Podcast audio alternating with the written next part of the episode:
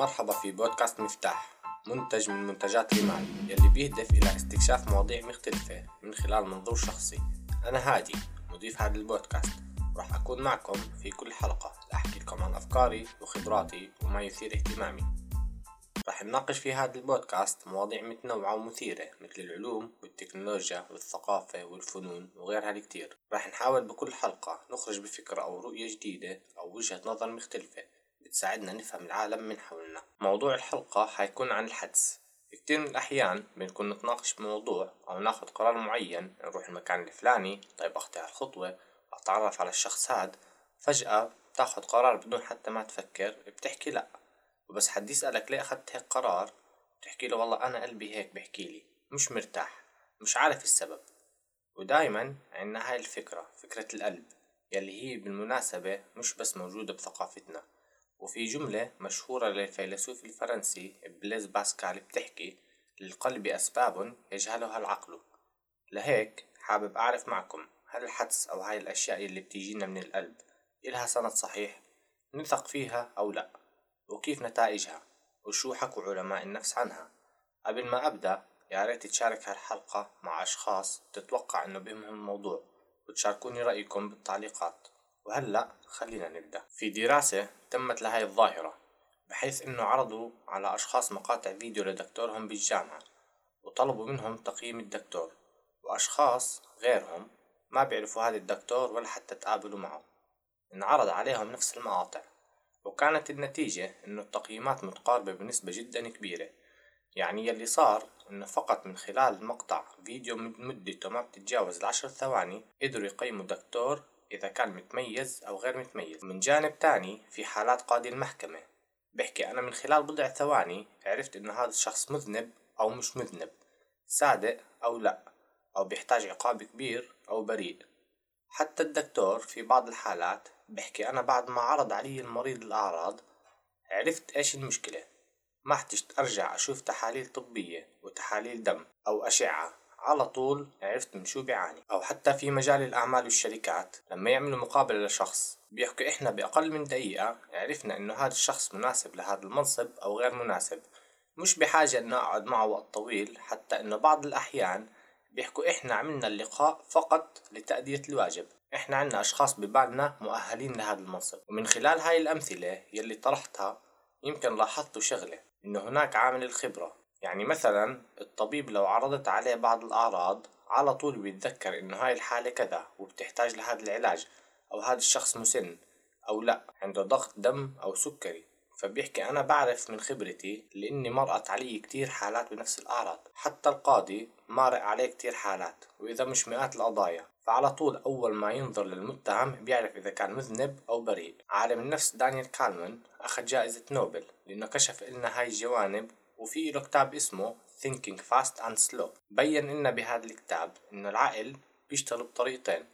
طريقة بطيئة متأنية بتاخد المعطيات وبتحلل وبتفكر بالمنطق وطريقة سريعة بديهية بفكر بسرعة وبشكل مباشر وخلص من دون حتى ما تدخل بالتفاصيل. والعالم هاربرت سايمون عرف الحدس على إنه هو لا أقل ولا أكثر من القدرة على التعرف. طيب التعرف على إيش؟ التعرف على الحالة. فكل ما كان عندي معرفة أكتر بمثل هاي الحالات كل ما عقلي على طول عمل تحليل مثل بصمة الإيد أو بصمة الوجه. خلال ثواني العقل بيتعرف على الحالة وبيعطي قرار. فبهاي الحالة العقل السريع بيكون عرض النتيجة من غير وعي مني وأنا بس كنت واعي للنتيجة الأخيرة. فلما أنت تسألني ليه فبحكي لك والله مش عارف هيك قلبي حكالي هو قلبي هاد العقل السريع بحسب تفسير الكتاب طبعا. ومثال تاني كتير من العلماء بيطرحوه.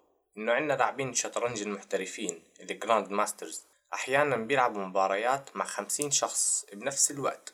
فبيجي اللاعب خلال ثواني بينقل نقلة وبروح على اللاعب التاني وبيتفرج على الرقعة. بس بيتفرج على الرقعة وخلال ثواني بينقل نقلة وبيروح على اللاعب اللي بعده بيعمل نفس الإشي.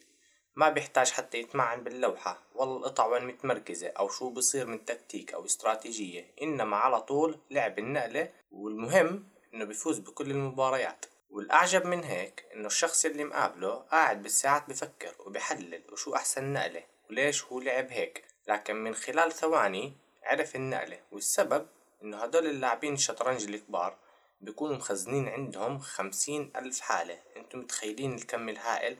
يعني عنده كمبيوتر براسه ما بيحتاج حتى يفكر. السبب غير الذكاء. إنه بيقضي معظم وقته في تحليل اللعبة ومشاهدة ألعاب ودراسة للشطرنج. طيب هاي المسألة دايما بتصيب ولا إلها أخطار؟ ولازم ينتبه إلها الإنسان. بس قبل ما أجل الأخطار في جزئية إنه هل النساء عندهم قدرة أكبر للتعرف على هاي الأشياء؟ بالقلب مثل ما بنحكي أو لا؟ العجيب إنه النساء عندهم تفوق بالأمور يلي إلها علاقة بالعاطفة. يعني مثلا انعرض على أشخاص من الجنسين مقطع فيديو مجرد ثواني من شخصين بيتحدثوا. طبعا الشخصين هدول ذكر وأنثى وسألوهم هل هذا الحوار العاطفي صادق أو في حدا بيكذب على الثاني أكم ومعك أكم من ثانية تقرر صادق أو كاذب؟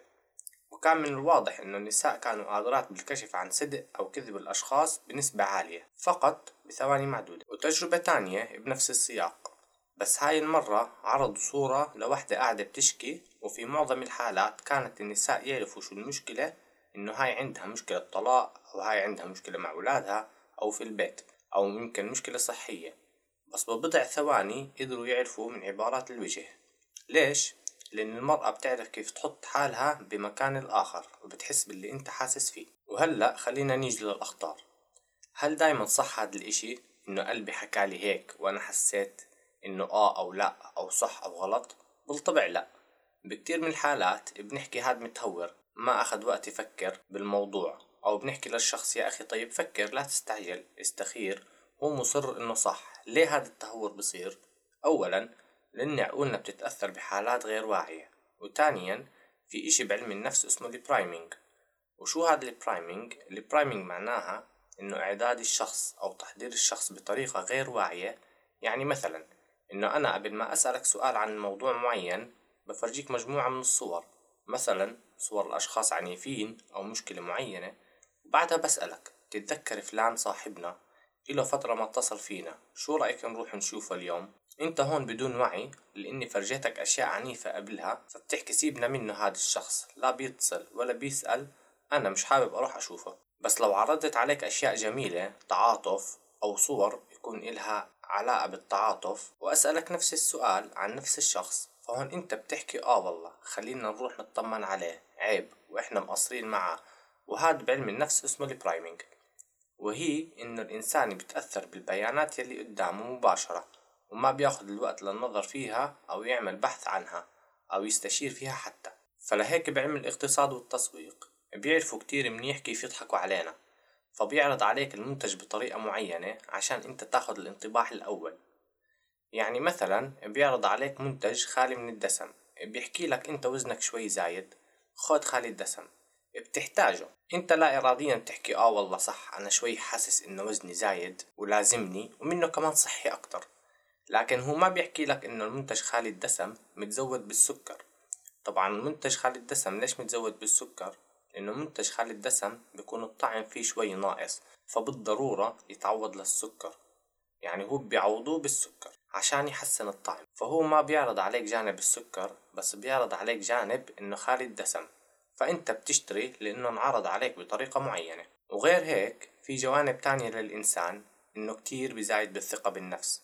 إنه بيعتقد قراراتي دائما صح وإنه أنا ذكي أكتر من غيري. وهذا الإشي بيصير مع كتير ناس حوالينا حتى أنا شخصيا. وبيعطي نفسه قيمة أكبر. وهذا موجود مثلا اسأل شخص شو ثقتك بالنتيجة الفلانية وكم بالمية واثق منها. معظم الحالات بتحكي أنا واثق بنسبة خمسة وتمانين بالمية مع إنه النسبة الصح بتكون فقط ستين بالمية وأحيانا أقل من ستين. يلي حابب أوصله إنه إحنا فينا كتير جوانب موجودة داخلنا وبنتأثر فيها. وهي مخفية داخل العقل وما بنحس فيها. وفي مقولة عجبتني وأنا بجهز لهذا الموضوع بتحكي هناك أشياء تعلمها وأنت لا تعلم أنك تعلمها وتأثيرها عليك أكبر مما تعلم. الخلاصة إنه الحدس صحيح وفينا وهي مجرد عمليات بالدماغ بتتم بسرعة. لكن لازم دائما نذكر حالنا إنه هاي القرارات مش دائما لازم نتخذها بسرعة. ولو عرفنا نتحكم بهاي القرارات السريعة ونخليها تخضع للعقل البطيء ودايما خد وقتك وحاول ما تستعجل. وهيك بكون وصلت معكم لنهاية الحلقة. شكرا لإستماعكم. انتظروني بحلقة أسبوعية. ولا تنسوا الاشتراك بمنصاتنا على مواقع التواصل الاجتماعي. راح أترك الروابط كلها بالوصف.